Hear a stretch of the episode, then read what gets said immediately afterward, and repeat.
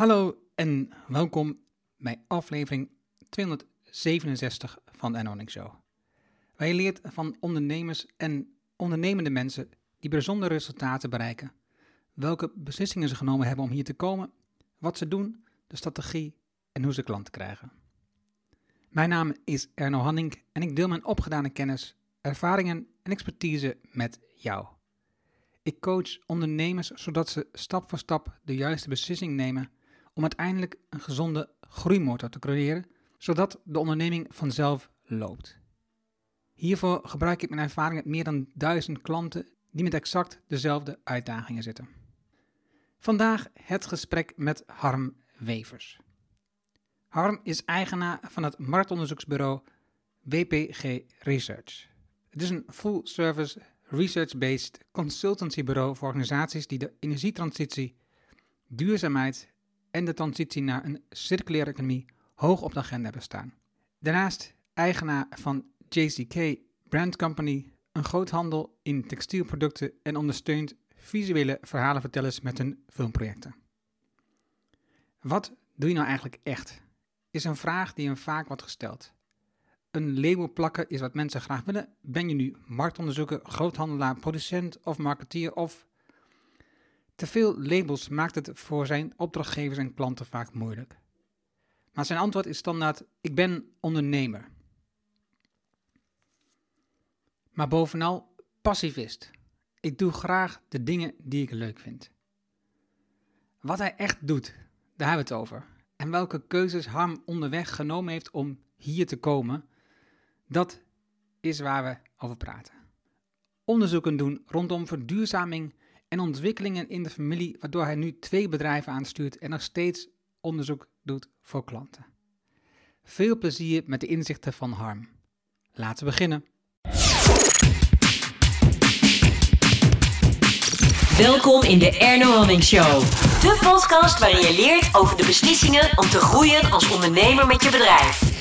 Luister naar de persoonlijke verhalen van succesvolle ondernemers en ondernemende mensen. Dan nu jouw business coach Erno Hamming. Dit keer hoefde ik niet ver te reizen. We zitten in Doetinchem. Ik kom de fiets naar een geweldig pand hier in Doetinchem. Um, ik zet in gesprek met Harm Wevers. En hij is, we zijn in zijn bedrijf, in ieder geval een bedrijf waar hij op dit moment directeur is.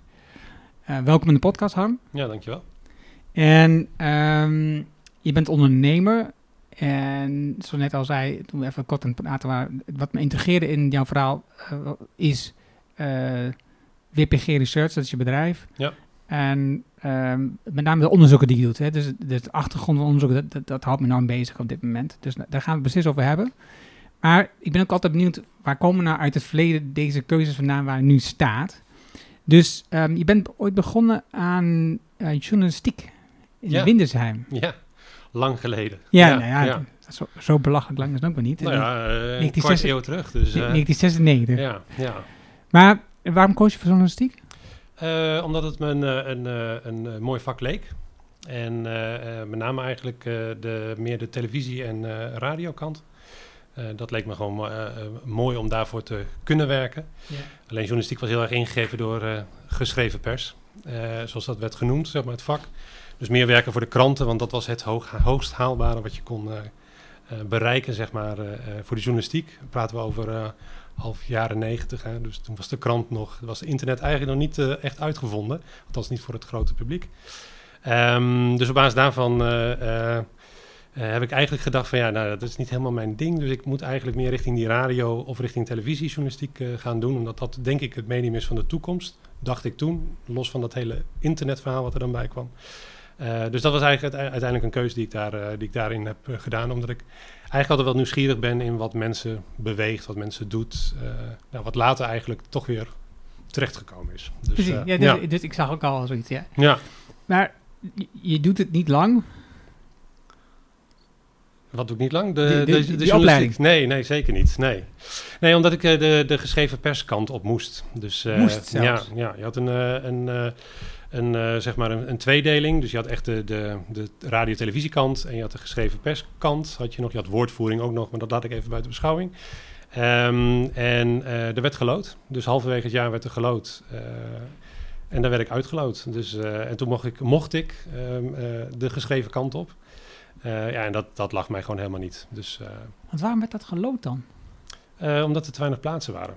Dus, eh, ehm, dus er werd eigenlijk gedurende het jaar... Er waren zoveel aanmeldingen voor. We zaten, ik denk met een college met een man of ehm, eh, misschien 150, 160 op één college ruimte.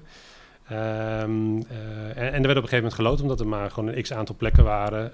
Ook met het oog op richting stageplekken, eh, leerplekken, dat soort zaken. Dus ja.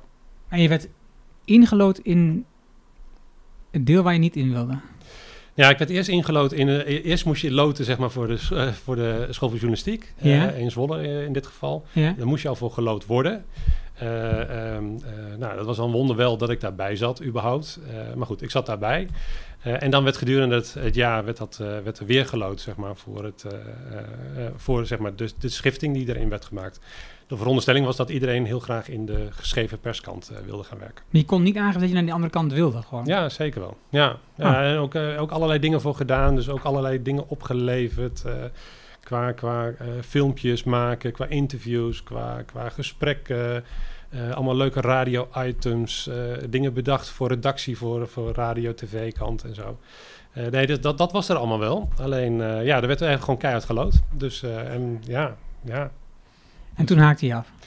ja, toen moest ik de geschreven kant op. En toen dacht ik van, nee, dit is gewoon niet mijn ding. Dus ik zag me niet zelf quotejes halen en dan daar op basis daarvan een stuk fabriceren, zeg maar. Nee, dat, dat zag ik me niet. Oké, dus het- voor jou is journalistiek quotes halen en een stuk fabriceren. Eh, ja, dat was het. eh, dat werd zo werd dat wel eh, gebracht, zeg maar. Ja. Zie je ja. het nog steeds zo? Ehm, eh, nou ja, quotejes, ja, nou, eigenlijk nog steeds zo, ja. ja, ja. Ik heb wel, wel- een beetje gekeken naar de journalistiek, zeg maar, gedurende het jaar natuurlijk. Het aantal bekenden uit, zeg maar, mijn klas volg ik nog. Die zitten ook nog steeds in de journalistiek. Ehm, eh, en daarin merk je wel dat quotejes halen nog steeds heel erg belangrijk is. En ook wel eigenlijk ja, sensationele quotejes halen. Misschien nog wel belangrijk. En dat niet zozeer het gaat om eh, eh, ja, waarheidvinding, waar journalistiek eigenlijk voor bedoeld is te doen. Maar gewoon, ja, hoe scoor je het beste? Hoe sta je het beste gepositioneerd? Hoe verkoop je ja, jezelf eigenlijk? Dat, daar komt het eigenlijk goed op neer. Ja, of in ieder geval het blad waarvoor je schrijft. Ja, ja, ja. Nou, journalisten kunnen er ook wat van hoor, tegenwoordig. Ja. dus om zichzelf goed te eh, willen Ja. neerzetten. Ja, dat Dus, denk ik eh, ook wel, ja. Ja, ik, ik heb wel, ik heb wel het gevoel dat het uitmaakt van wat voor publicaties je schrijft. Ja, ja, ja, ja, ja. Als je kijkt naar bijvoorbeeld, ehm, eh, hoe heet het, oud geld heet het ook of zo, hoe heet, het, hoe heet die uitgaan ook alweer? Onderzoeken waar geldstromen heen gaan. Dat zijn, Follow the money? ja, follow the money. Ja. Dat bedoel ik, ja. Ja. Toch, dat lijkt me toch iets meer diepgaande onderzoek naar een bepaald onderwerp. eh, waarbij eh, niet alleen over quotes gaat, maar echt gewoon meer uitzoekt wat is aan de hand in deze wereld. Eh, ja, dat, ja, ja, dat wel. Alleen het is, het is wel, het is wel eh, ehm, eh, ingege- het is altijd de vraag, is het ingegeven door, de publiek, door het publiek? Eigenlijk waarvoor je het schrijft of waarvoor je het maakt? Of is het ingegeven vanuit eigenheid of vanuit jezelf, vanuit, vanuit je ego eigenlijk? En, en Follow the Money is ook wel een voorbeeld. Eh, waar ik ook wel voorbeelden van kan noemen dat het, eh, dat het ook wel ego-tripperij is af en toe. Dus eh, dat ze het niet zozeer voor zichzelf doen, of eh, voor een ander doen, voor het publiek doen, maar meer voor zichzelf eh, dingen uitvinden. Maar kan het dan zijn dat je het voor jezelf doet omdat je het een belangrijk onderwerp vindt? Ehm, het zou je eh, eh, zou, zou kunnen. Ja, ja, dat zou kunnen, ja.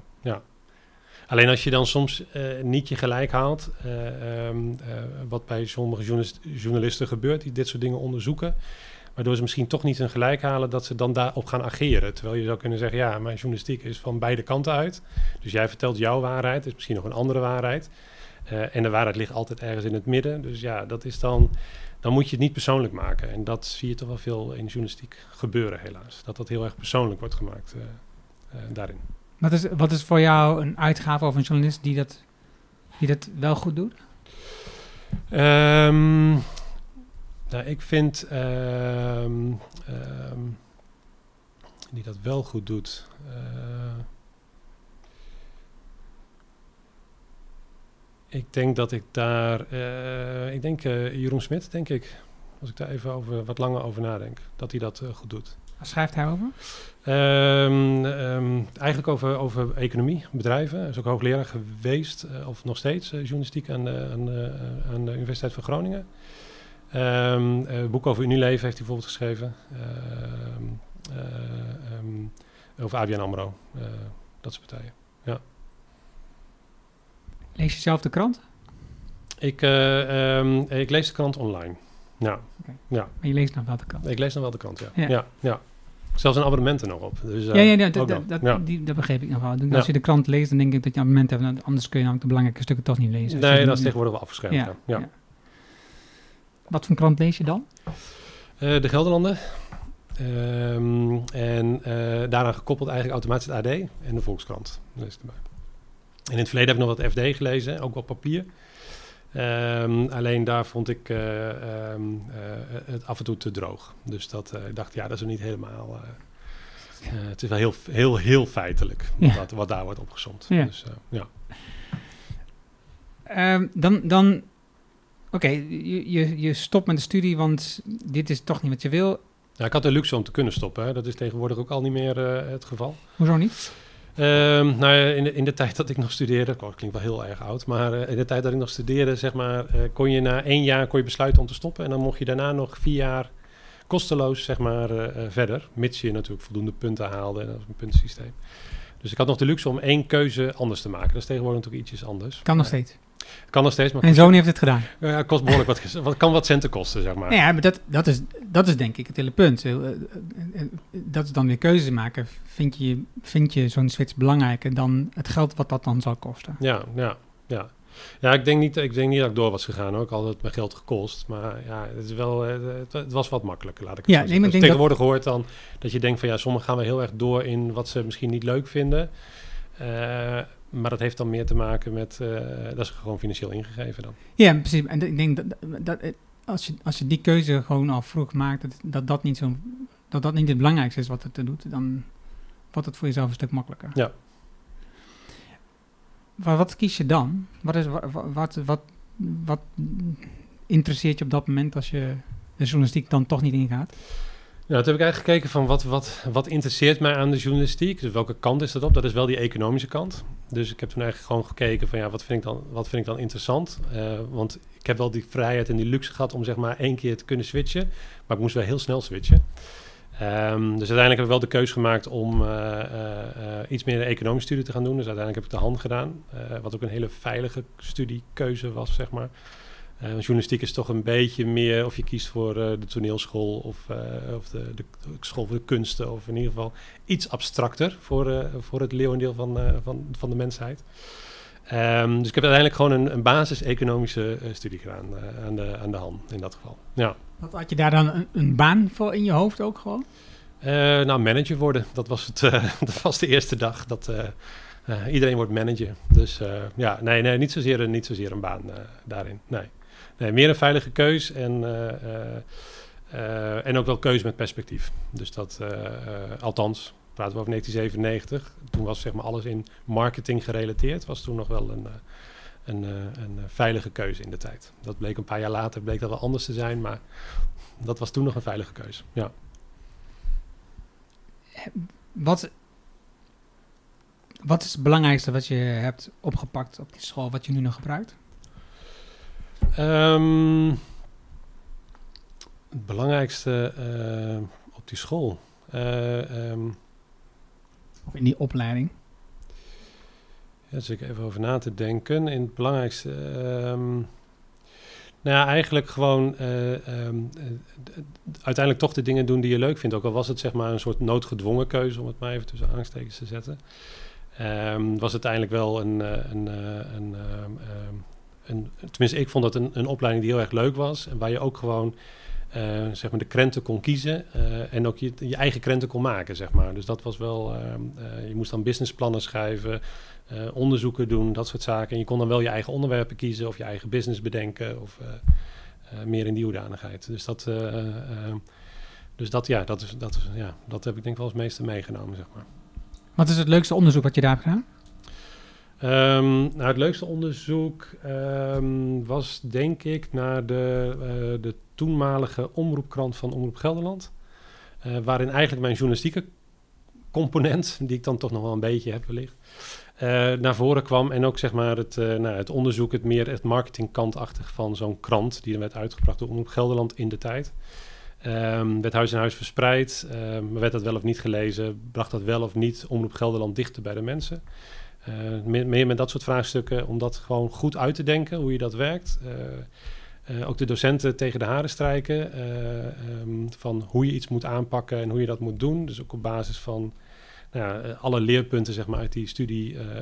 En dan eigenlijk leraren ook een beetje tegen elkaar uit te spelen. Van ja, wij vinden dat, jullie, jij vindt dat zo, jij vindt dat zo, maar dat staat haaks op elkaar. Om daar zeg maar een, een, een goed plan uit te krijgen.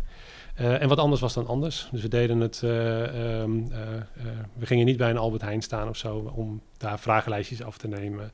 we gingen het ook wat meer kwalitatief al aanpakken, dus iets minder kwantitatief gestuurd. Wat al eigenlijk revolutionair was voor zo'n studie. Dus dat was een beetje ja, hoe, we dat, hoe we dat deden. Ja. Je ging langs huizen vragen stellen? Ja, vragen stellen en wat meer diepgaandere informatie op proberen op te halen. Ja. Dus niet zozeer van wilt u hem wel of niet ontvangen, maar meer van ja, maar als u dat dan niet wil, maar waarom wilt u dat dan niet? Of als u hem wel wil ontvangen, wat, wat maakt het dat u dat wilt ontvangen? Dus dat was wat, wat, ja, wat vonden wij wat spannender om, om te doen. Daarin. En wat was de conclusie van het onderzoek?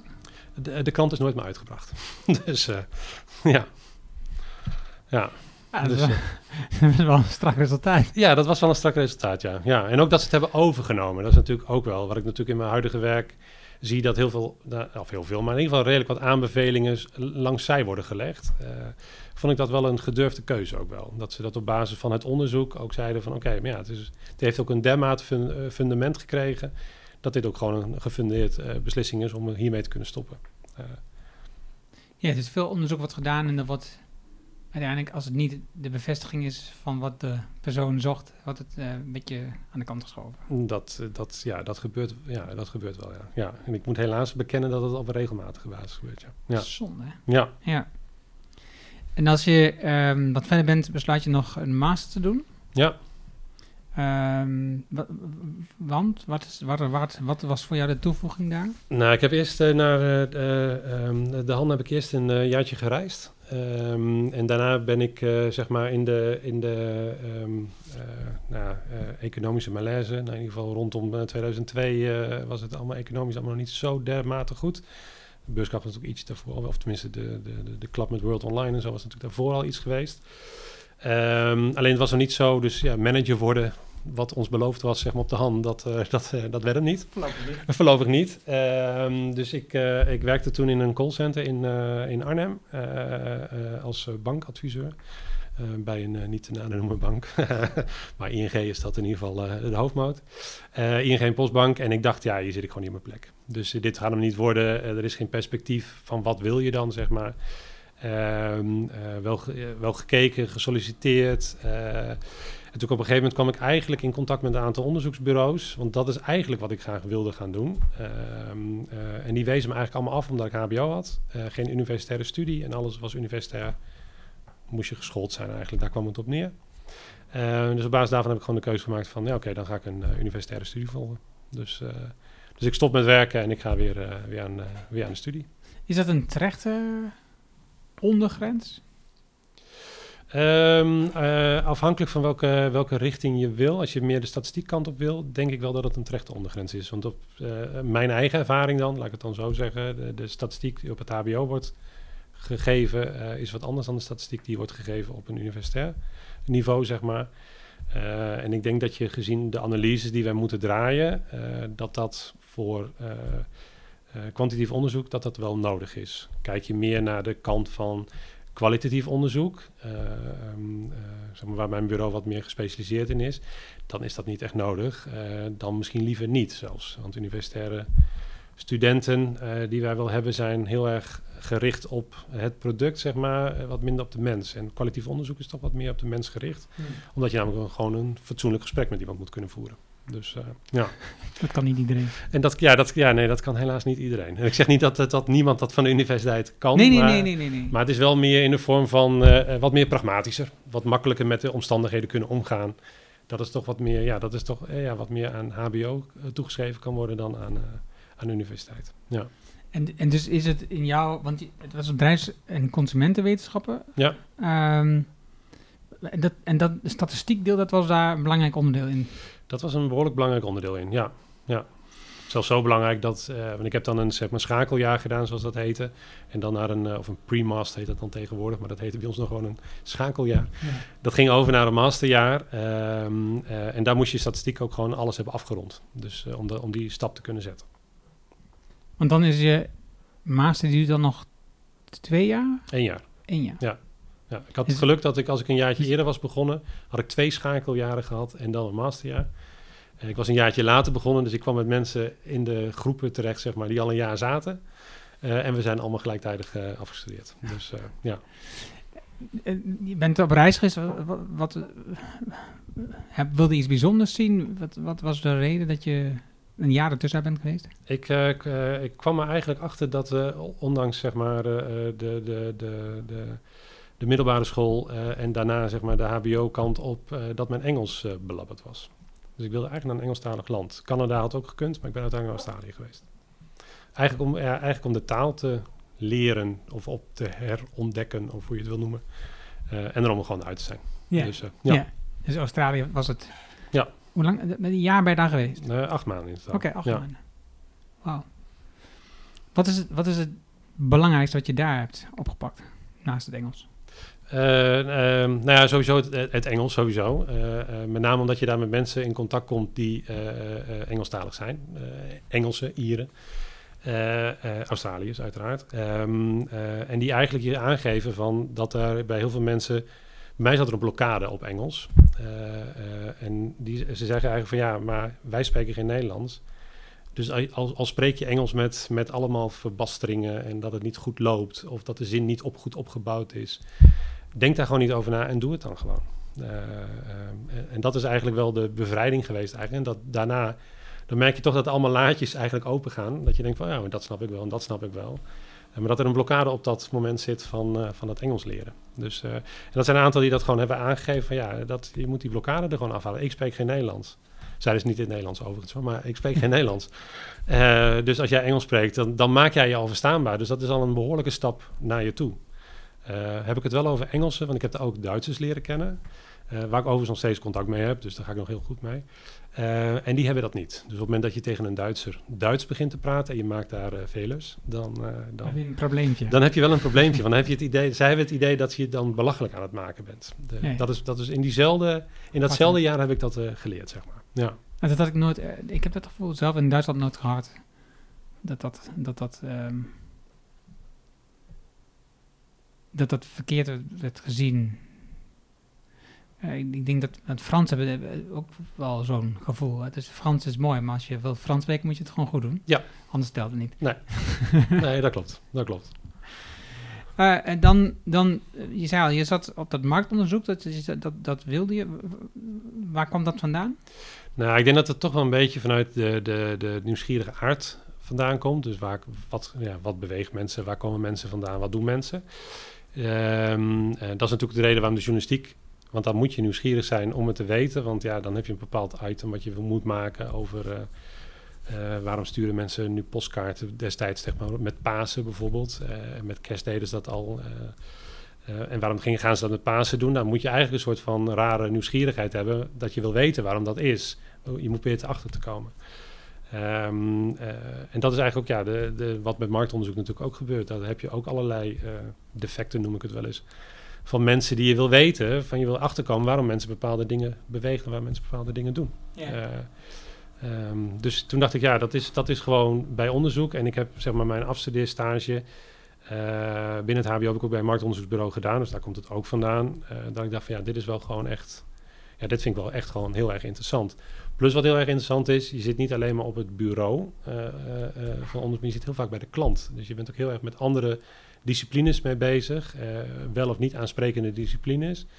Maar dat je wel kunt zeggen van oké, ik ga op een gegeven moment, kan ik daar ook weer weg. Maar ik heb daar wel even van geproefd en ik ga weer naar een andere. En, dus ook die, die, die veelzijdigheid, zeg maar, dat, dat sprak me erg aan. Hmm. Ja. Oké, da- da- dan, dan begin je met het werk en ga je ook echt ehm, in de onderzoekswereld. ja.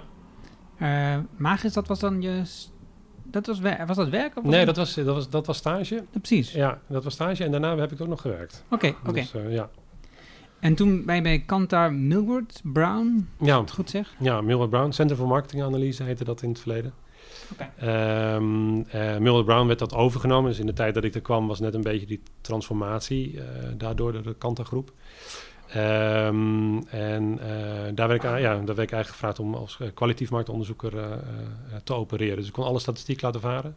Alles wat ik daar had opgebouwd, dat kon weg. Dus werd het kwalitatief onderzoek werd dat. Was dat, ook, was dat de start van jouw verdieping in die wereld, in het kwantitatieve kant? Ja, echt eh, volledig dat. Dat, dat wel helemaal dat het helemaal dat alleen was. Dus eh, ehm, in het verleden had je natuurlijk gewoon, je had een onderzoeksvraag en daar bedacht je wat op, eh, eh, ook binnen zeg maar de studies. Eh, en dit was gewoon van, eh, wij zitten boven met kwalitatief team en je hebt een kwantitatief team dat zit beneden. Ehm, eh, en er is ook geen weg naar elkaar toe eigenlijk. Dus, eh, dus je loopt ook echt naar je eigen club en dat, en daar ga je het eigenlijk mee doen met, eh, met die groep. Dus eh, eh, en dat, ja, dat vond ik een hele mooie leerzame periode. Met name omdat daar eigenlijk alles viel wat ik, nou ja, wat ik eigenlijk heel erg interessant vond. Dus nieuwsgierigheid, diversiteit aan, aan opdrachtgevers. Ehm, het in gesprek raken met, met zowel consumenten, maar ook met zakelijke, met, eh, met hooggeplaatste, laag eh, geplaatst, hoe je het wil noemen. Dus eigenlijk alle gradaties van de samenleving om daar, om daarmee te kunnen spreken, zeg maar. Dus niet alleen, want het, bureau zit in Amsterdam, niet alleen met Amsterdammers, maar gewoon met, eh met doorsnee Nederland. Eh, en dat vond, ik, ja, dat vond ik echt heel erg interessant. En niet alleen maar van dat je het op een beeldschermpje ziet dat iemand iets heeft aangeklikt. Van dat antwoord, of dus die groep vindt dat. eh, wat ook altijd nog wel waarde heeft. Maar met juist met name dat je praat met, met de diverse mensen om te kijken van ja, maar wat beweegt jou nou om dit te vinden? en daarmee achter te komen. Want werden dan bij hun wel onderzoeken aan elkaar gekoppeld? Dat je, wat je net al schetste, dat je een verdieping krijgt in, in, in de vragen die werden gesteld in het vooronderzoek met eh, kwalitatief? Ja, het, het, het werd eigenlijk als een verdiepingsvraag gesteld. Dus het was wel heel erg. eh, het waren wel twee verschillende afdelingen, dus het was ook wel echt los van elkaar. Eh, Er werd ook niet heel veel over en weer gedaan. Dat was ook een van de redenen waarom ik dacht van oké, ik moet op een gegeven moment moet ik verder zoeken. Ehm, eh, maar het was wel zeg maar wel de, de, de, de verdieping. Dus er kwamen wel echt de klanten die kwamen, die van kwantitatief afkwamen, die kwamen wel van oké, maar we missen nog deze informatie. Of we zien dat mensen bijvoorbeeld heel erg voor eh, eh, niet voor BlackBerry willen kiezen, want we deden voor T-Mobile veel te veel onderzoek. Eh, niet voor een BlackBerry willen kiezen, maar we hebben eigenlijk geen idee waarom niet. Want het is toch een fantastisch apparaatje. Dus dan ging je daar weer met een groep aan de slag, gebruikers, niet-gebruikers, om dan te kijken van oké, maar waar zit hem dat precies in en wat weerhou- weerhoudt jou er nu van om daarmee eh, mee aan de slag te gaan. Hmm. Dus eh, ja. En dan word je eindelijk manager. Nou, ik heb ook nog een tussenjaartje gehad. Oh, oh, oh. Ja. Nee, want uiteindelijk heb ik nog een, eh, een, eh, een, zeg maar een overstap gemaakt naar een eh, opdrachtgeverszijde, zoals het dan bij- ons in, de, in, de, in het vakjargon heet. Dus van bureau naar opdrachtgever. Eh, omdat ik op een gegeven moment achterkwam dat de vragen die gesteld werden, en dat is wel, wel echt een leerpunt geweest. eh, ehm, eh, een opdrachtgever komt met een vraag, kwam dan zeg maar bij het onderzoeksbureau, bij ons onderzoeksbureau Millward Brown, kwam die terecht. Ehm, afhankelijk van waar die lag, eh, ehm, eh, werd die vraag dus op die manier beantwoord. En dat op een gegeven moment, in het begin was dat helemaal fantastisch. En later dacht ik, ja, maar is de opdrachtgever nu echt geholpen met verdieping? Of is de opdrachtgever niet geholpen met gewoon grootmatige cijfers? Want hij moet de directie makkelijk kunnen overtuigen om bepaalde budgetten vrij te krijgen. Eh, en dan heb je niet altijd wat aan om heel erg de verdieping in te gaan. Eh, dus daar zat ik een beetje op een gegeven moment mee te worstelen. En toen dacht ik van ja, dit is niet helemaal de insteek. Want niet de, de vraag van de opdrachtgever wordt hier per definitie goed mee beantwoord. En omdat de werelden zo verschillend waren van elkaar, dat je eigenlijk elkaar ook niet heel erg goed kende. eh, misschien ook een beetje manko voor mezelf, maar goed, ik vond het ook een heerlijke wereld eigenlijk om in die twee werelden te werken.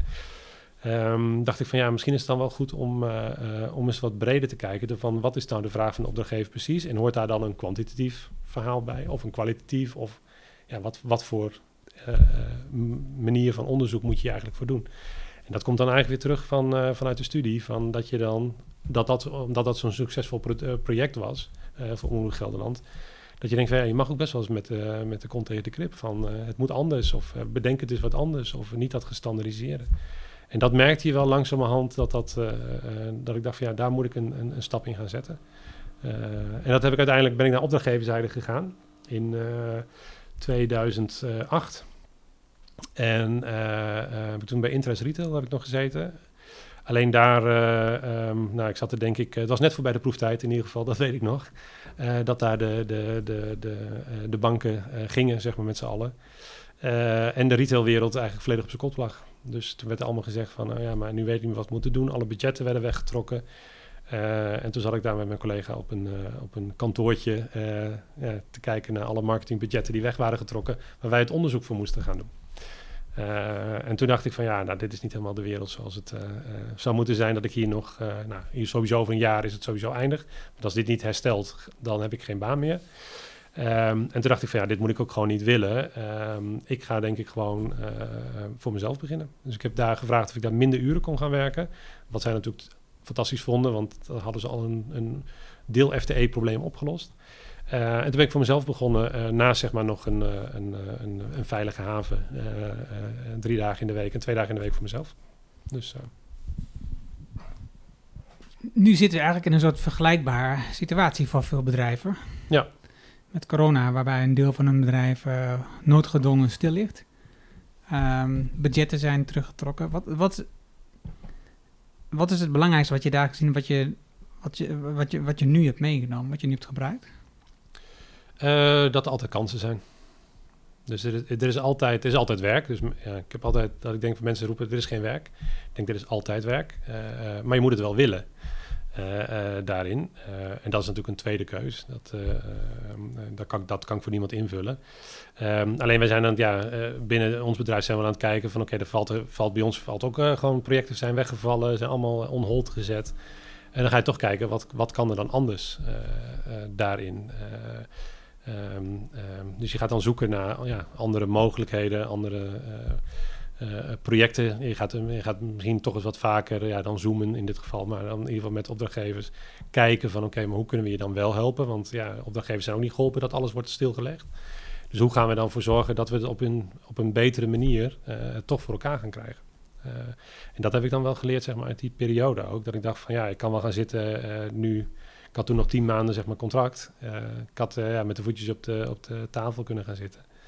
Uh, en denken van ja, dit is het dan. En dan, oh, ja, en dan zien we het wel weer hoe ver het is. Maar ik heb wel gedacht van ja, ik moet eigenlijk gewoon verder. Want het is ook gewoon hartstikke zonde dit. En, en, dat is eigenlijk nu precies dezelfde situatie. Dus er zijn wel allemaal dingen aan het bedenken van ja, hoe gaan we nu met het onderzoeksbureau, maar ook met andere bedrijven, hoe gaan we daarmee aan de slag? Dus, en hoe gaan we ervoor zorgen dat we dan ieder geval deze periode doorkomen, maar ook dan in ieder geval uh, dat we ook weer sterker staan uh, na deze periode. Hoewel ik dan denk dat deze, na deze periode dat er nog een tijdje gaat duren. Maar...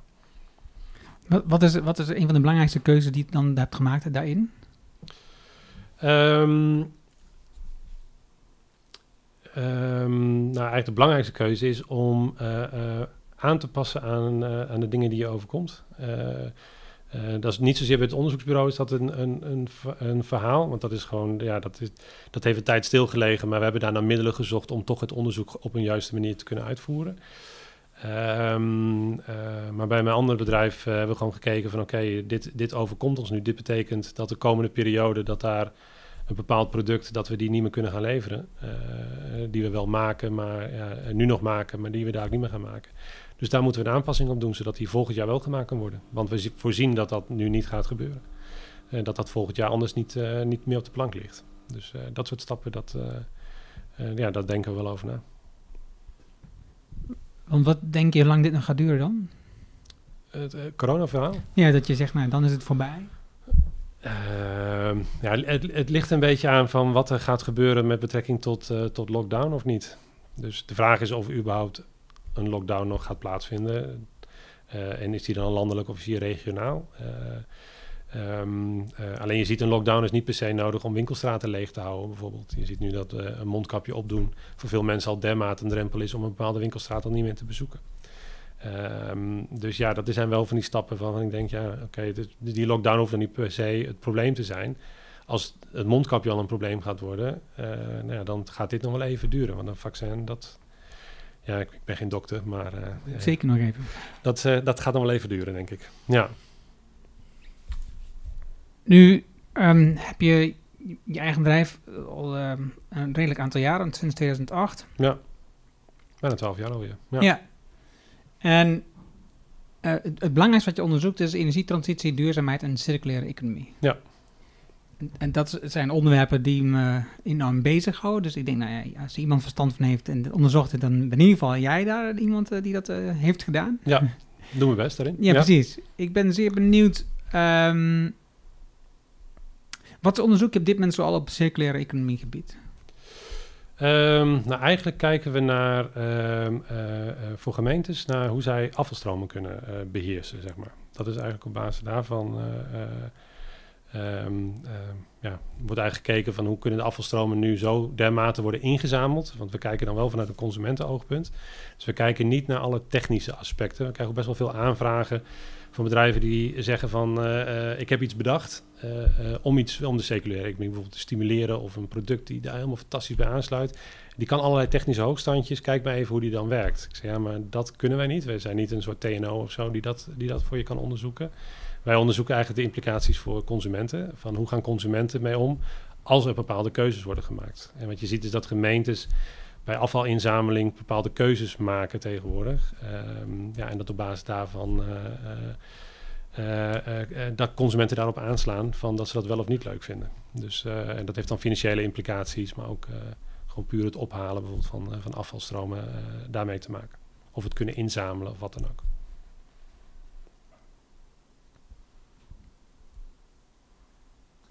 Ja, het is dus vanuit de kant van de consument. Ja, of de zakelijke markt, dat kan natuurlijk Ja. ook. Maar in ieder geval vanuit meer menselijk, menselijk perspectief, zeg maar. Op het, eh, En, en gaat het dan over het ongemak of waar gaat het dan over? eh, ja, ongemak kan. Ja, of gemak kan ook nog. Het gaat met name om, om te kijken van, ja, als mensen eh, iets voorgeschoteld krijgen om iets te, eh, te, te moeten doen. Of nou, in, in, in, in, duurzaamheid moet je niks doen, maar dat wordt eigenlijk wel een beetje van je verlangd. Dus meer hoe sta je er dan in en, hoe kun je dat dan bijvoorbeeld goed over de bühne krijgen. Dus stel je voor dat je zo'n, ehm, hebben we de gemeente hebben gedaan, een, een, een afvalverzamelingsprogramma. Hoe krijg je mensen dat dan tussen de oren, hoe ze dat het beste kunnen doen? En waar moet je dan aan denken? En dat is een beetje gebaseerd op het Zweeds model. Zweeds, in Zweden wordt, wordt afval verzameld zeg maar, om het goed te kunnen recyclen, dus weer terug te kunnen brengen. Ja, daar heb je eh, duizend in één bakjes aan spullen staan om... eh, eh, want het blikje moet dan weer los zijn van het lipje van het blikje. En, eh, en, al dat soort aspecten. De binnenkant van de chipzak moet eruit van de buitenkant. Nou, dan moet je het lostrekken.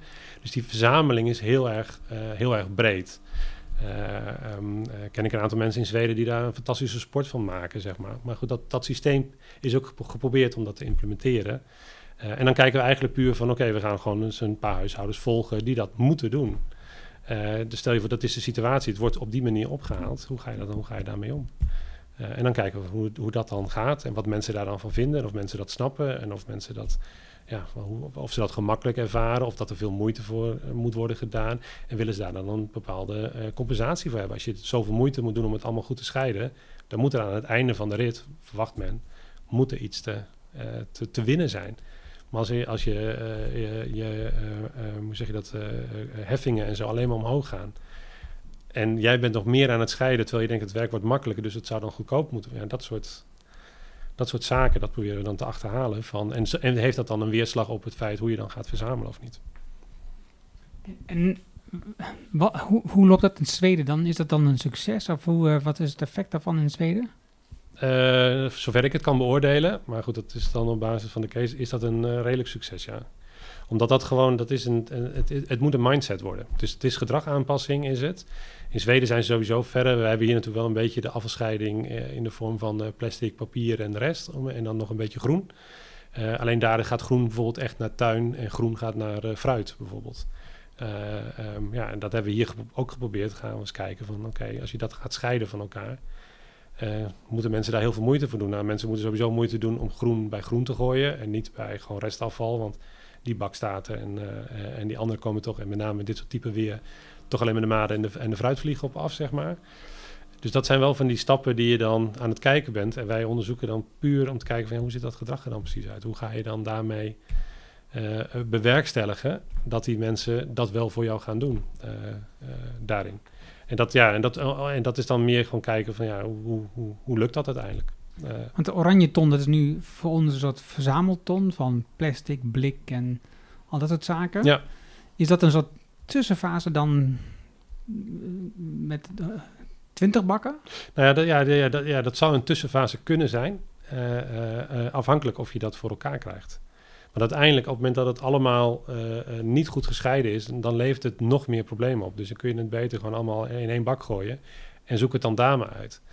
Um, dus uiteindelijk, omdat het ook allemaal vers verschillend moet worden opgehaald, of verschillende compartimenten, kost ook allemaal geld. Dus dat, dat, dat soort afwegingen moeten gemaakt worden. Kijk, duurzaamheid is natuurlijk belangrijk en, en, en, en we willen allemaal dat allemaal goed doen, maar het moet uiteindelijk moet het wel ergens betaald worden. En in deze nou ja, zeg maar coronaperiode waar we nu in zitten, zie je langzamerhand dat dat wel terug aan het zakken is. Uh, in zoverre zelfs dat gisteren ook uh, werd gezegd van al het geld wat in corona wordt gestopt, moet eigenlijk ook in duurzaamheid gestoken blijven worden. Om dat maar op gang te blijven houden. Eigenlijk ligt alles nu stil uh, op dat vlak. Ja. die ontwikkelingen, die, die inspanning die je wil plegen daarvoor. dat je denkt van ja, nou ja, ik, ik, hoop dat ik over een jaar nog een baan heb. Dus ik kan nu wel zonnepanelen op mijn dak leggen en dat levert meer rendement op. Dat snapt men ook nog wel. Uh, maar ja, als ik het nu uh, op mijn dak leg en niet op de bank staat, op mijn dak kan ik er nooit meer bij. Dus uh, ja, dat is, dan, dat is dan te ver weg. Dus daar zie je ook wel van dat soort dingen zie je wel verschuiven daarin. Maar, maar in, in die afvalstroom, daar speelt, toch, daar speelt de overheid een grote rol. Hè? Dus als je een zonnepaneel op je dak legt, dat is dan, dat is dan, dat is dan een, een beslissing van een consument, van een eindgebruiker, misschien een bedrijf. Ja. Maar een afvalstroom, dat is iets wat, wat de overheid organiseert. En dat, dat, dat, lijkt me ook logisch dat de overheid dat, dat onderzoekt en um, zo maakt dat het, dat het voor de toekomst beter wordt. En dus ook daar geld in blijft pompen. Dat is eigenlijk wat ik bedoel te zeggen. Ja. Maar dat ligt dus nu ook stil. Nou ja, in, in zoverre, de, kijk, de overheid kan dat als basis wel willen, alleen de gemeentes moeten het betalen. Uh, en daar, daar zit dan nu de crux. Want heel veel gemeentes hebben gewoon op dit moment uh, geen geld. Dus... Uh, en dat is, dat is natuurlijk gewoon een kromme situatie. Ja. Je zegt wel dat je het moet doen, maar jullie moeten het doen en wij doen er niks aan. Nou ja, uh, uh, het, het, kan ook zo zijn dat je zegt, jullie moeten het doen. Uh, dat, is, dat, is, ook een hypothetisch geval. maar jullie moeten het doen, jullie moeten dat scheiden. En je moet er nog meer voor gaan betalen. en dan is op een gegeven moment is de vraag, waar ligt dan de grens? Van, als je meer moet betalen, dan verwacht je dat je misschien minder inspanning moet doen. Dat is, ja, dat, maar, dat, dat is de, maar voor mij klinkt dat... natuurlijk, de aanname is, klinkt plausibel, maar logisch is het niet. He, met z'n allen, we, we, we, doen iets verkeerd met onze aarde. Dat, ja. dat staat ontzettend vast. Hè? Ja, dat wordt nu langzamerhand deze periode. Uh, we, we, hebben niet zelf een coronamonitor zoals we dat uitbrengen. Maar we, hebben, we lopen wel mee met een, een coronamonitor van met een collega-onderzoeksbureau. En daar zie je dat wel inderdaad, dat, dat besef dat dat wel steeds beter tussen de oren eigenlijk komt. Ja, ik, ik, mij, maar het zit er nog niet hoor. Het nee, nee, mij integreert een onderwerp al veel langer. Dus voor mij is het besef super duidelijk. Ik, ja. ik heb daar niet zo heel veel twijfels over. Het is, dus het is gewoon, het is logisch dat we dus afval produceren, dat, we moeten dat, dat wordt opgeruimd, dat wordt opgelost. En dat is niet alleen verantwoordelijkheid van de fabrikant, dat is de verantwoordelijkheid van de consument. Dat is voor ons allemaal. Nou, dus, het, opruimen zich, maar het, het consumeren zelf ook al. Ja, dus het inkopen, wat je natuurlijk nu ziet vanuit de, de, de Alibaba's van deze wereld, uh, dat men daar nu over na moet gaan denken. Dat besef komt, maar het besef is er nog niet. Nee, maar goed, het, het, besef zit natuurlijk nog steeds heel erg op prijs. Ja. We willen, willen iets, uh, moet goed zijn en moet goedkoop zijn. Klopt. Want dan kunnen we er meer van kopen. Ja. En het besef dat, je, dat het niet om meer gaat, dat is nog lang niet, uh, dat, is nog, dat is de wereld nog niet uit. Ja, of de prijs kan dermate laag zijn dat het ook niet eens goed hoeft te zijn. Dan koop je sowieso wel een nieuwe. Ja, precies. Dus uh, ja. En, dat, en dat, dat, dat, bedoel ik, hè. Dus dat is nog steeds alleen maar gedacht vanuit meer, meer, meer. Ja. En niet gedacht van, oké, okay, het zou ook wel eens misschien minder kunnen, want vanuit meer word ik ook niet gelukkiger. Nee, nee. Hoe, hoe speelt dat in jullie Nee, laat ik dan vragen. Komt, dat in jullie onderzoeken meer naar voren? Um, het welzijn en, en in combinatie met duurzaamheid? Welzijn uh, van de mensen, hoe we ons voelen? Uh, uh, ja, alleen het is, we doen zeg maar, die onderzoeken doen wij. Alleen wat je ziet is dat nou, het, het gros van de mensen um, denkt gewoon niet zo het gros van de mensen is niet bezig met, met duurzaamheid. Althans niet op dagbasis. Dus ze denken er wel eens over. Maar het is niet zo dat nu dat ze alles wat ze doen, dat ze denken, oh ja, moet ik even een afweging maken van uh, kan dit wel voor, uh, voor mezelf? Of kan dit wel voor mijn kleinkinderen? Of kan dit wel voor moeder aarde? ehm, dat daar is, daar is maar een hele kleine groep is daar echt bewust mee bezig. De groep wordt wel steeds groter. Ehm, ehm, maar het is niet zo dat het, dat het een, een, een, goede vertegenwoordiging is. Het is, blijft nog steeds gewoon altijd nog een kleine groep die daarmee bezig is. Oké, okay, met al jouw rapporten, adviezen wat je hebt uitgebracht, wat is, wat is jouw suggestie hierin? Wat is je, wat is je voorstel? Hoe, hoe moeten we verder gaan?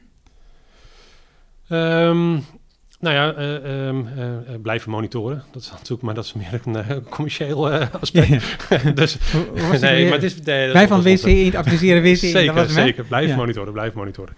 Nee, het is, het, heeft, het is gewoon een lange adem. Het, het, heeft een lange adem nodig. Dus, dat, dus je moet niet, niet denken dat, dat alles wat bedacht is, dat dat heel snel de, de oplossing biedt, zeg maar. Um, um, uh, kijk bijvoorbeeld naar elektrisch vervoer of zo. Uh, ik denk dat ik misschien tien jaar geleden of zo een, een onderzoek gelezen heb over de destijds de, de, de persoon van, van Essent. Die zei over twee jaar, dus dan praat je over acht jaar geleden, rijden 1 miljoen elektrische auto's rond in Nederland. Oh ja, ja, hybride auto's. Nee, volledig elektrische auto's.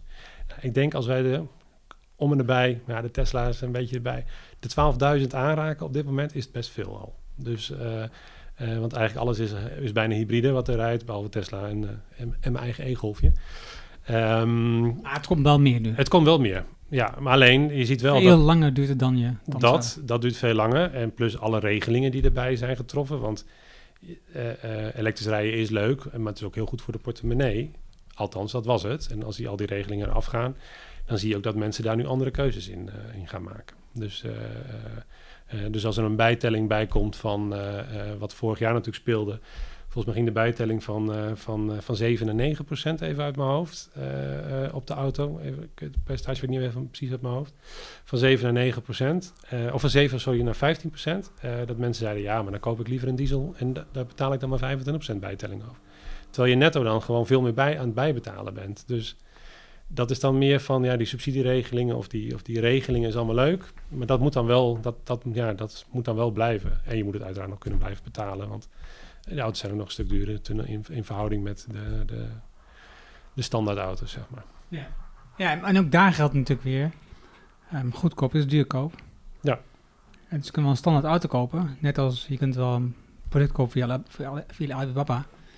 Um, maar we hebben het al over standaard auto's en hebben we het over benzineauto's, hè? Ja, diesels, ja. Ja, ja, ja, precies. Ja, ja. dus dan, uh, uiteindelijk hebben we onszelf gewoon te pakken. Ja. Alleen de termijn is zo ver weg dat het, dat het ons persoonlijk niet raakt, maar onze kinderen van onze kinderen. Ja. En dat is, ja, dat is te ver weg. Daar hebben we niet. Nou, we, hebben, we hebben volgens mij doelstelling gehad in, in 2020 moeten we uh, zoveel uh, uitstoot verminderd hebben, zeg maar. nou, het is 2020. Volgens mij zijn we er nog niet. Uh, en ik hoorde de, de topvrouw van Shell afgelopen uh, woensdag of zo bij Jinek nog roepen van... Uh, ja, 2050 wordt het nieuwe jaar voor duurzaamheid. Want dan zijn we volledig energie-neutraal. Ik denk, ja, ja, volgens mij riep je dat ook al over 2030. En volgens mij werd het langzaam 2040. En we schuiven het steeds maar een beetje op. Dus ja... Ja, ja zo'nzelfde uitspraak die ken ik van, van het programma van Coca-Cola... Die, naar... Um, uh, flesjes gaan die je kunt, in, die je kunt terugbrengen met, met statiegeld. Ja. Het, het, het kwam ook elk jaar terug in een rapport. En elk jaar werd, werd het getal opgeschoven. Ja. Het is, dan zijn we zoveel procent over op statiegeld en nemen we het terug. En het is nog steeds niet geregeld. Nee. Het is gewoon absurd. Uh, wat, wat zie jij... Want jij doet onderzoek voor bedrijven. Ja. Dus een opdrachtgever heeft zo'n idee, een plan en jij onderzoekt dat plan. Maar zie je voor jezelf ook een rol om daar meer in te sturen, om meer, in, meer um, leidend in te zijn? Um, nou, we proberen wel zeg maar uh, zoveel mogelijk te doen. Ja, uh, goed, uh, je hoort het misschien niet, maar de airco staat hier wel te, loeien op dit moment. Dus ik, ik spreek me natuurlijk gigantisch tegen nu. maar we proberen in ieder geval zo min mogelijk energieverbruik zelf te doen. we rijden ook met elektrische auto's om dat, dat te doen, zeg maar. Um, dus probeer het wel een soort voorbeeld te geven daarin. ik vind het zelf ook heel belangrijk. Dus dat, dat, dat maar goed, dat vindt iedereen. Maar ik probeer daar wel aan aan te leven, maar ik ontkom er ook niet aan dat dat ook wel bepaalde zaken zijn die mij niet, die, die, die, mij niet lukken of dat ik er even op dat moment even niet aan, uh, aan denk, zeg maar. Ja, en wat ik eigenlijk bedoelde was... ehm, want ik bedoel niet jou persoonlijk dat je, wat je persoonlijk doet. In geval dat ik dan gelezen. Maar ik bedoel echt meer van... Kun je je voorstellen dat je onderzoeken doet die je zelf initieert om, om een bepaalde richting op te gaan? Van, oké, dus dit, dit is belangrijk voor de toekomst van de mensheid. Ehm, nou, we initiëren in zover we initiëren zelf onderzoeken naar gewoon eh, gedragingen om daar zeg maar leerpunten uit te halen. Gedragingen van... Van hoe? mensen, consumenten, hoe zij, eh, hoe zij eh, eh, ehm, eh, consumeren of wanneer ze willen consumeren en welke, op, op een aantal vraagstukken, zeg maar. En dat is niet per se door, door bedrijven ingegeven om dat, om dat te doen. Dus ook meer om een soort achtergrond of een houvast te krijgen, of een kader te creëren voor onszelf. Van in welke wereld zitten we nu? Eh, want veel onderzoeken die we doen zitten natuurlijk in een bepaald soort... Ja, we zitten in een soort keurslijf soms. En dan wil je eigenlijk wel weten hoe het eigenlijk de wereldje er buiten omheen zit. Eh, want we interviewen, als we mensen interviewen, vaak wel een, specifieke doelgroep. eh, die misschien al heel erg bezig is met, met duurzaamheid. Dan wil je eigenlijk ook weten hoe ziet het spectrum daarbuiten eruit. Want is dit nou een uitzonderlijke groep? Of is dit nou een groep die wat meer aansluiting vindt? Of is er, een, is er een hele grote groep die er helemaal totaal geen aansluiting bij dat groepje vindt? En dat soort kaders proberen we dan wel mee te geven, zeg maar. Ja. Eh, en dat is eigenlijk al in een, in een voorbereidende eh, ja, fase, of in ieder geval in een sparringfase, dat we dan dat we met onze opdrachtgevers dat eh, kunnen bespreken.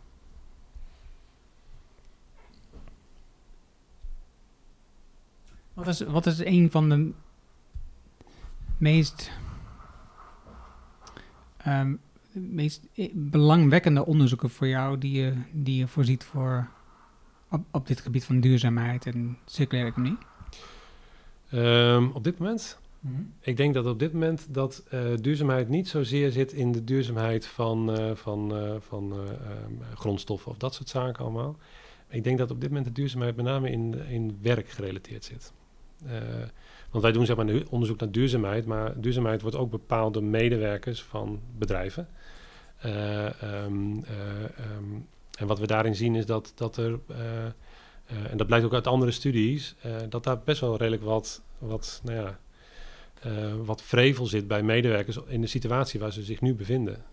Dus de vraag is dadelijk in hoeverre die medewerkers over een half jaar nog steeds die, de goede medewerkers zijn.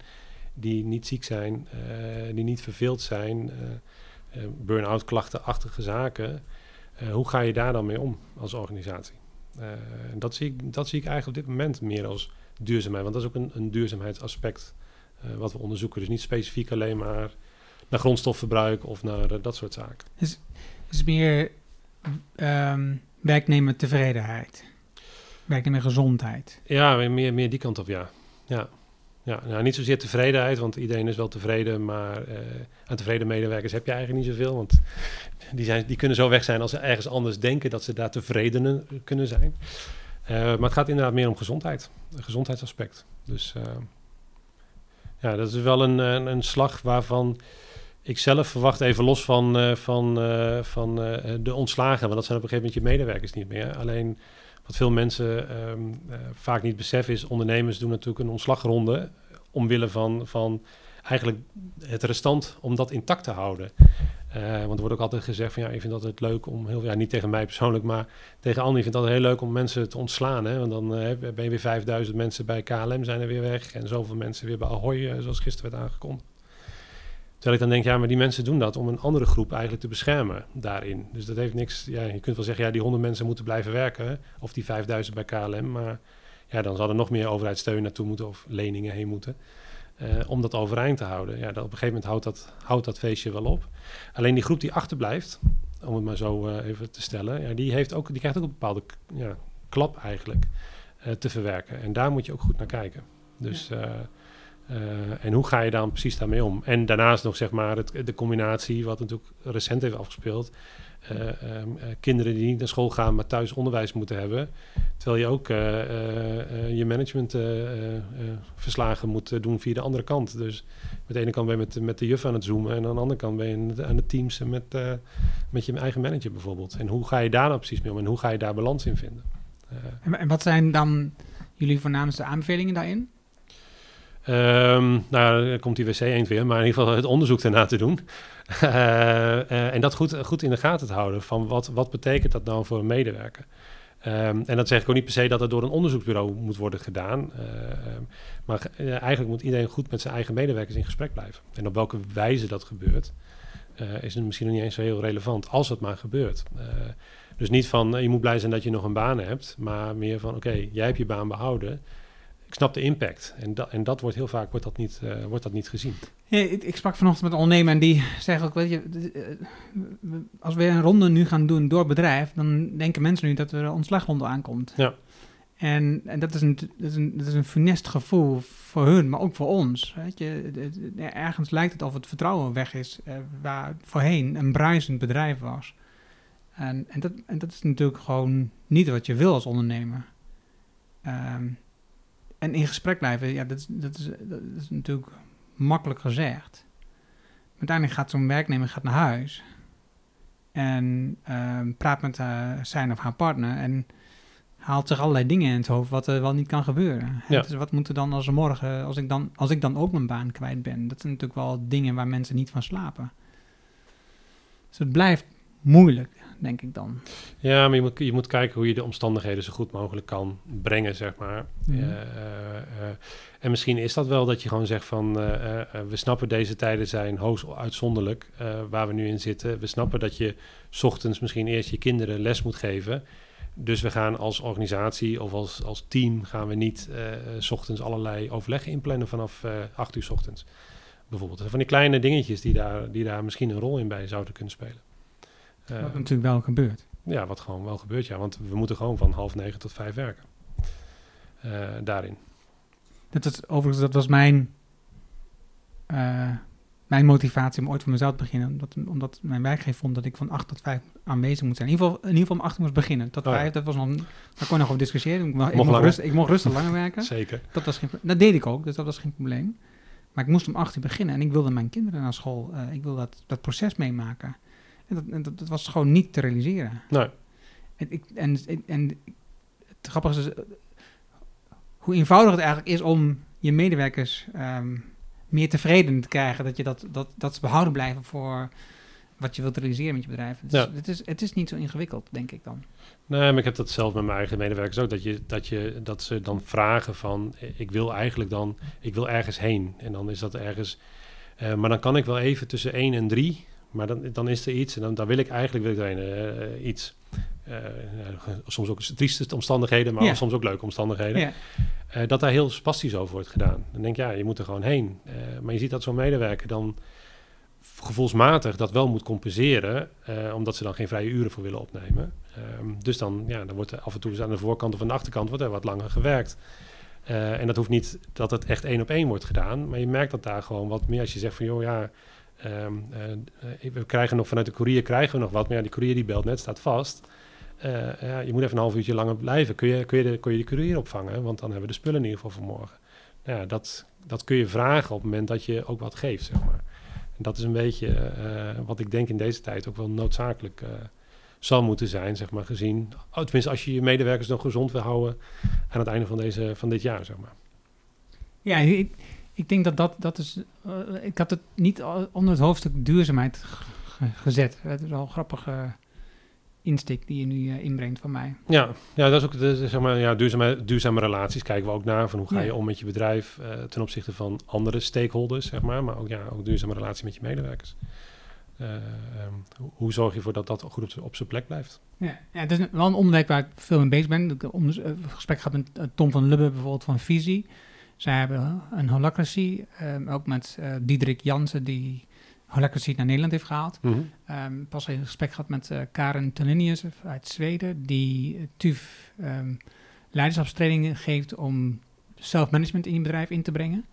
En dat zijn wel onderwerpen die me enorm bezighouden. Hoe kun je nou ervoor zorgen dat... Dat is in ieder geval een punt wat, wat ik van veel ondernemers terugkreeg in, in mijn gesprekken. Was, ehm, mijn mensen pakken hun verantwoordelijkheid niet op, weet je. Dus, dus ik heb allerlei ideeën, maar er komt nooit wat uit mijn mensen. Oké, waar ligt dat dan aan? Waar Mhm. komt dat dan vandaan? Weet je? Wat, wat, wat doe jij in je handelingen, in je gedragingen, in je proces op een dag dat zij dat niet doen? Want het zit, het zit wel in hun. Hè? Dus ergens haal je het er niet uit. Ja. Dus ik vind dat, ik vind dat dus een super interessant onderwerp. Dus eh, maar het is wel grappig dat, ik- dat je dat onder het eh, kopje duurzaamheid... eh, Ja, maar ik heb dat zelf ook wel gehad. Dat ik, dat ik de ideeën die ik aandraag, zeg maar, dat daar op een gegeven moment geen gehoor aan werd gegeven. Ehm, en dat ik dacht van ja, maar het is toch niet zo moeilijk om dit even uit te voeren. Even in die trance, zeg maar. En dat op een gegeven moment dat, dat ik er eigenlijk achter kwam dat de dingen die mij werden aangedragen van hoe kunnen we dingen verbeteren binnen de organisatie, dat ik daar zelfs niet op reageerde. Dus dat ik dacht van oké, maar het is eigenlijk gewoon een, ja, het is een wisselwerking uh, uh, daarin. Het is, en het is van, van beide kanten was dat niet bewust, want dan maak je dat bespreekbaar. Van joh, ik, ik uh, kom er opeens achter dat jij dat idee, maar ja, dat was toch prima om dat te doen? Ja, je vond het prima, maar ik heb geen akkoord gekregen, niet een formeel-achtig akkoord. Ik zei, maar heb je dan toch ook niet...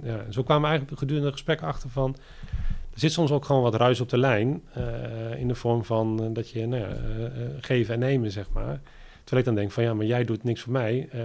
en andersom denk ja, maar jij doet niks voor mij. Terwijl ja, het is niet van voort wat hoort wat of zo. Dat, die situatie is helemaal nooit geweest. Maar dat, gaat, dat, dat komt er dan toch een beetje in, in zo'n organisatie.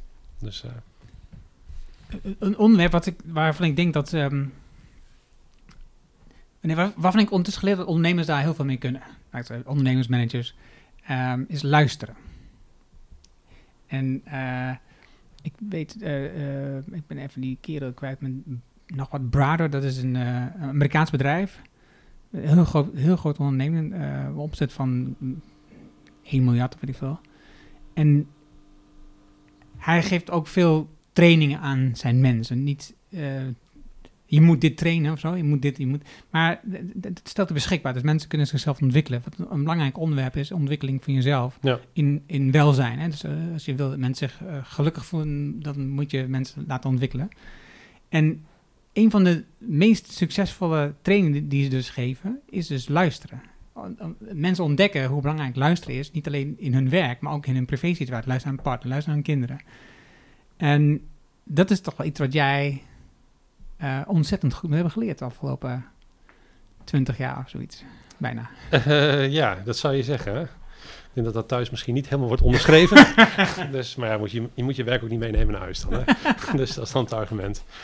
Dus, uh, weet niet helemaal zeker in dit geval. Maar hoe zie jij het luistergedrag van opdrachtgevers, mensen om je heen, managers, ondernemers? Um, nou, het luistergedrag uh, um, is altijd een beetje gekleurd, denk ik dan. Dus kijk, als ik, als ik, het, uh, als ik denk over luistergedrag, dan ben ik zeker een beetje naar mijn eigen rol te kijken van wat is mijn rol dan precies daarin. Maar het luisteren is eigenlijk dat ik een boodschap overbreng op basis van het onderzoek. Dus wat ik beluisterd heb, zeg maar, bij de doelgroepen uh, die zij graag zouden willen spreken. Dat je dat overbrengt en dat dat in een bepaald soort kader wel of niet past. Uh, dus vandaar we het net ook over hadden van ja, sommige adviezen, en dat gebeurt op best wel op regelmatige basis, worden een beetje links of een beetje afgezwakt. Of, kijk, wij herschrijven nooit, gewoon wij geven een advies en wij zelf herschrijven nooit conclusies. Uh, maar wat je wel merkt is dat het intern bij opdrachtgevers, dat dat soms nog wel gebeurt. Of dat de conclusies weggelaten worden, omdat dat makkelijker past in het verhaal. Uh, en dan is de vraag van, ja, wat, wat dan zijn ze niet goed aan het luisteren geweest. Dan hebben ze wel gehoord wat we zeiden, maar ze hebben er uiteindelijk niet zo echt iets mee gedaan. Um, alleen dan is de vraag van, is dat mijn rol of niet in zo'n organisatie? Of voor zo'n organisatie? Dat is de vraag. Want uiteindelijk bieden wij gewoon het advies op basis van wat wij hebben beluisterd. Uh, daarin. Alleen ja, dat past dan soms niet altijd helemaal. Dus, uh, en dat is toch apart, want als je dan naar je allereerste advies kijkt, hoe daarop gereageerd werd in je, in je studietijd. Ja. Dat is besloten om dat. Dus ik denk, eh, als je daar. Ja, en soms is het ook goed hoor, want, want uh, in mijn studietijd hebben ze naar het advies goed geluisterd, hebben ze het, hebben ze het, uh, hebben ze het uiteindelijk de nek omgedraaid, ja, prima. Uh, maar mijn allereerste onderzoek wat ik deed bij Millward Brown um, was destijds voor United Biscuits, dus de, de, de, de maker van Sultana, toen de tijd, volgens mij Sultana ergens anders tegenwoordig. Maar die hadden, uh, liet een onderzoek doen uh, naar het, uh, um, ja, het buikspreekpoppetje wat het destijds was. De honger, de, het, het, het fluffy beestje wat zeg maar elke keer opkwam als je honger had, als je sultana wilde, hebben, wilde eten, zeg maar. Of als je trek had, dan kwam dat poppetje op en dan moest je denken, oh ja, sultana. En dan Zogenaamd. Hè? Zogenaamd. Zogenaamd, ja. In ieder geval zo'n zo'n zo'n beestje wat dan opkwam. Nou, we hebben dat, we hebben dat uh, uh, onderzocht met, uh, met een panel. Um, dat werd finaal onderuit gehaald. Dat hele idee, dat hele concept, dat was gewoon, ja, dat was gewoon echt totaal niet. Ook niet wat bij sultana hoorde. En het was kinderachtig. Nou, alle termen zijn voorbij gekomen dat ze het niet moesten doen. Alleen uh, reclamebureau Kessels Kramer zat erachter. En die zeiden gewoon, ja, dat gaan we gewoon wel doen. Dus uh, die vonden dat, die beluisterden ook naar de doelgroep. En die dachten, nou, dit is precies wat we willen horen. Dus we gaan dit precies doen. Want het is precies het haakje wat we nodig hebben. Terwijl wij als onderzoeker zeiden, ja, hier moet je mee stoppen. Dus wij gaven het advies aan United Biscuits, stop met deze campagne, bedenk wat anders. Uh, en Kessels Kramer zei, nou, wij hebben het ook beluisterd. En wij vinden het fantastisch. Wij gaan ermee door. Nou, uiteindelijk heeft hij zo'n beetje alle reclameprijzen gewonnen die er maar te winnen valt. Um, uh, met deze campagne is de sales van, van Sultana enorm gegroeid. Er zijn die handpoppen niet aangesleept uh, te wezen. Ze hadden rugzakjes ervan gemaakt, ook compleet uh, allemaal verkocht. Dus de vraag is ook even van ja, het is ook hoe je naar je, naar je klant wil luisteren daarin. Dus dat is natuurlijk ook wel weer een, dus het is niet per definitie dat wat wij zeggen dat dat dan de waarheid is. En het, het is een waarheid. Het is een waarheid op basis van wat wij beluisterd hebben. Uh, alleen de vraag is, hoe ga je dat intern, ga je dat verkopen? En voor ons was het haakje, nou, dit moet je niet doen, want dit past niet bij je. Ja, en de andere die beluistert, dit past niet bij je, dus past het bij je. Dus gaan we het doen. Dus dan, ja, dat is net even de, het verschil daarin. Dus, uh, mooi, mooi. Mooi voorbeeld ook. Uh, ik zag dat je het boek Blockbusters had gelezen. Ja. Ik heb het zelf nog niet gelezen, maar een van de belangrijke elementen die, je eindconclusie die sprak me aan. Is het, uh, wat had je uit het boek geleerd? Nou, het, het, boek vertelt eigenlijk het verhaal hoe, hoe, hoe maak je succes, succesvolle films, blockbusters. en dat is eigenlijk gebaseerd op een strategie van Warner Brothers. Warner Brothers heeft, ik heb het bedrag niet in mijn hoofd, maar die heeft 2 miljard kunnen ze aan films uitgeven.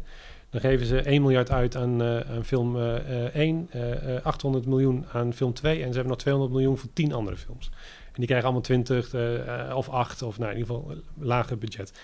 Met die lagere scores een beetje richting de Oscars en het paaien van filmhuizen en uh, allemaal belangrijke stakeholders. En de grote zijn natuurlijk voor de, voor, het, voor de cash die ze daar eigenlijk bij doen. En wat zij um, eigenlijk aangeven is van je moet je heel erg speren op, op eigenlijk je twee belangrijkste uh, kandidaten, namelijk voor succes. En de rest die je erbij doet, moet je niet zoveel aandacht aan besteden. Maar die, dat, dat groeit vanzelf, groeit dat wel. Uh, daarin. Uh, en ook als je het te horen krijgt van het is, ja, we verwachten dat dit geen succes is. Op het moment dat je daar gewoon al je tijd en effort in steekt, dan kan het tegen de klippen op, maar dan kan het nog een succes worden. We zitten in, ja, in jullie pand waar je de producten verkoopt vanuit dit bedrijf. Hoe, hoe, hoe, hoe zou je dat hier kunnen gebruiken? Um, door te speren op uh, een aantal elementen uit het, uh, uit het assortiment van beide merken, zeg maar. Of twee merken heel erg goed neerzetten en, en een aantal merken eronder zetten die wat minder uh, de aandacht krijgen. En die langzamerhand meegroeien daarin.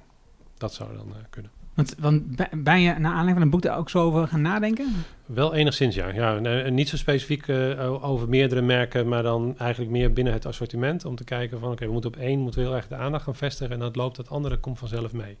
En misschien niet op het meest geëikte product, wat op dit moment nog niet zo goed loopt, maar waarvan ik denk dat daar het meeste succes in zit. Want dat wordt eigenlijk ook aangegeven. Mooi. Lees je overigens veel? Uh, uh, ja, maar niet, zo, niet zozeer managementachtig uh, okay. gerelateerd. Nee. Oké, okay. dan is dit mijn laatste vraag ook. Dan gelijk een afrondende vraag. Um, niet helemaal laatste, maar in ieder geval afronding. W wat is een boek wat jij anderen aanbeveelt om te lezen of wat je zelf hebt weggegeven? Um, nou, het zijn eigenlijk twee boeken. Het zijn wel van dezelfde schrijver. Um, het is van Jeroen Siebelink, beide boeken. Eén boek gaat over Tony Chocoloni. Uh, zeg maar over, eigenlijk een beetje in de vorm van succes creëer jezelf. Uh, als je maar met een bepaald idee daar zit, erop zit. En de ander is van de vegetarische slaag. zijn overigens allebei wel duurzame boeken, merk ik, in beide gevallen. Um, en eigenlijk beide boeken geven aan dat, um, ja, dat je eigenlijk, als je een idee hebt en je, je staat achter dat idee, wat ook één blockbuster eigenlijk naar voren komt. Dus dat, dat staat dan misschien in het midden dat boek zou ik misschien nog niet helemaal aanbevelen als een klein beetje achterhaald, omdat het een boek van vijf jaar geleden is. Je ziet dan wel wat, dat her en der wat dingen. Netflix bijvoorbeeld is nog een video verhuurdienst en niet een, een nee. systeem wat het uh, natuurlijk nu is. Uh, maar als je die twee boeken naast elkaar zet, um, uh, zie je eigenlijk twee managers die allebei geloven in een bepaald ideaal, maar een totaal verschillende strategie hanteren over hoe, je dat, hoe je je bedrijf succesvol maakt of hoe je eigenlijk een product succesvol in de markt zet. Ja, nu is dan de vegetarische slager is ondertussen verkocht aan Unilever. Ja. Ehm Tony Chocoloni, eh, de, de oprichter, de bedenker, is daar uitgestapt. Dus is ook veel veranderd. Ja. Ehm, dus het is mooi. Een mooi boek. Eh, Het lijkt me een interessant boek om te lezen. Ja, het zijn allebei wel overigens in, in opdracht geschreven van. Oh ja? Ja, dus dat is wel... eh, eh, dat is dan- wel even dat je denkt van oké... eh, Er is een beetje een positieve smaak aan dat het ja, en toch zit er heel veel negativiteit of heel veel dingen die, die niet goed zijn, zeg maar, ook aan, aan, zeg maar, aan, eh, ehm, eh, aan bij de vegetarische slagen die niet goed zijn, staan er ook gewoon in bij Tony Chocoloni ook dingen die niet kloppen. Dingen die ze, ehm, eh, witte chocolade bijvoorbeeld kan nooit slaafvrij gemaakt worden, zoals ze dat eigenlijk zeggen. Ehm, eh, dat ze benoemen ze ook gewoon. Dus ze, ze doen er alles aan om dat voor elkaar te krijgen, om die keten te doorbreken, maar ze geven ook aan waar het fout zit. En hetzelfde geldt eigenlijk voor de vegetarische slagen. Ja, ja, het is wel mooi. Want de vegetarische slager oprichters zijn nu begonnen met eh, eh, melk zonder koeien. Ja, staat ook in het, eh, ja, Dat is, ik vind het wel interessant. Dit, dit is mooi. Mooie boeken. Dus, die heb ik nog niet eerder gehoord en gezien. Dus dat is, die komt op mijn lijst. Dankjewel daarvoor. Harm, wat is, ehm, wat, waar kunnen mensen jou bereiken? Wat is, een goed, wat is een goede plek om met jou contact op te nemen? Een goede plek om contact op te nemen. Ehm, ja, eh, liefst in deze tijd is dat wat lastig persoonlijk. dus eh, maar ze hoeven niet allemaal gelijk bij mij eh, aan mijn huis of bij mijn kantoor te staan. Ik weet niet of, dat is de vraag die je bedoelt, maar contact kan altijd via, de, de, de, eh, ehm, eh, via social, via, via de telefoon. Alleen uiteindelijk vind ik persoonlijk, daarom hebben we dit gesprek eigenlijk ook persoonlijk, omdat ik dat toch prettiger vind dan via een videoschermpje te bespreken, zeg maar.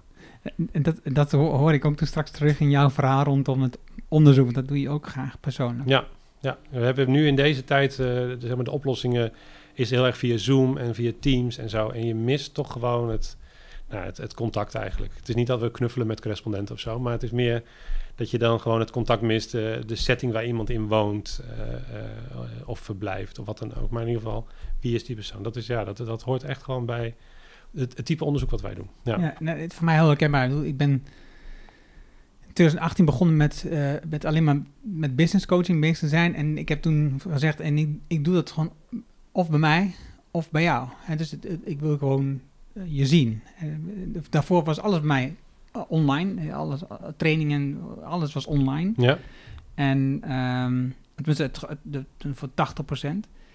En toen zei ik, nou, en, en daar stop ik niet mee. Ik, ik, ik ben daar klaar mee. Ik wil gewoon mensen weer zien. Ik wil mensen ontmoeten. Mijn kinderen waren ook, zijn ook volwassen, dus dat, is niet, dat, dat was niet meer de noodzaak. En ja, nu zijn we gedwongen tot eh, weer veel meer via Zoom en zo te werken. En er zit niks anders op. Ja. En ik red mij mee. Ehm, maar nog steeds ja, merk ik dat als je, als je de klant, de, de, de ondernemer ontmoet in, in zijn werkomgeving ehm, en hem uit die werkomgeving even haalt om in gesprek te zijn, ja, dat is toch fijner dan dat je in een Zoom-gesprek met iemand zit. ja, absoluut. Harm, dankjewel voor jouw inzichten, voor je ideeën en suggesties. En eh, graag tot de volgende. Helemaal goed. Dat was het gave gesprek met Harm. En je vindt de namen en links die we noemden in het artikel dat bij deze uitzending hoort. Ga daarvoor naar ernohanning.nl slash show 267. Wil je vanzelf de volgende aflevering op jouw telefoon ontvangen? Dat kan heel eenvoudig. Heb je een Apple telefoon, een iPhone, dan zit daar standaard de Apple Podcast app op. Open die app, zoek de Ernohanning Show op en klik op abonneer. Heb je een Android-telefoon, ook nog steeds eenvoudig. Installeer bijvoorbeeld de Player FM-app, zoek de Anonymous Show op en klik op abonneren. Dankjewel hiervoor. Heb je vragen, opmerkingen, reacties over deze aflevering met Ham of over de podcast in het algemeen? Stuur dan een e-mail naar podcast.ernohanning.nl. Ik hoor super graag van jou. Wil je de crisis gebruiken om een verandering te realiseren in je bedrijf? Wil je ontdekken hoe je juist innovatie nu je bedrijf kan versnellen? En wil je misschien negen tips die je nu kunt doen voor je marketing? Vraag dan het boekje Beter Beslissingen rondom een crisis aan op ernohanning.nl. Dit is mijn nieuwste boekje en je downloadt het helemaal gratis. Je hebt zelfs geen e-mailadres nodig. Wil je de papieren versie van dit boek? Dat kan ook. Je betaalt dan alleen de verzendkosten. Het boekje blijft gratis. Mijn nieuwste boek is altijd gratis. Vraag het daarom nu aan, want als de nieuwe uitkomt, betaal je iets voor de vorige. Vraag jouw boek daarom nu aan op ernoning.nl en ik weet, je bent druk, dus je leest hem in één avond tijd. Dankjewel voor het luisteren. Dankjewel voor het luisteren naar de Erno Hanning Show op ernohanning.nl.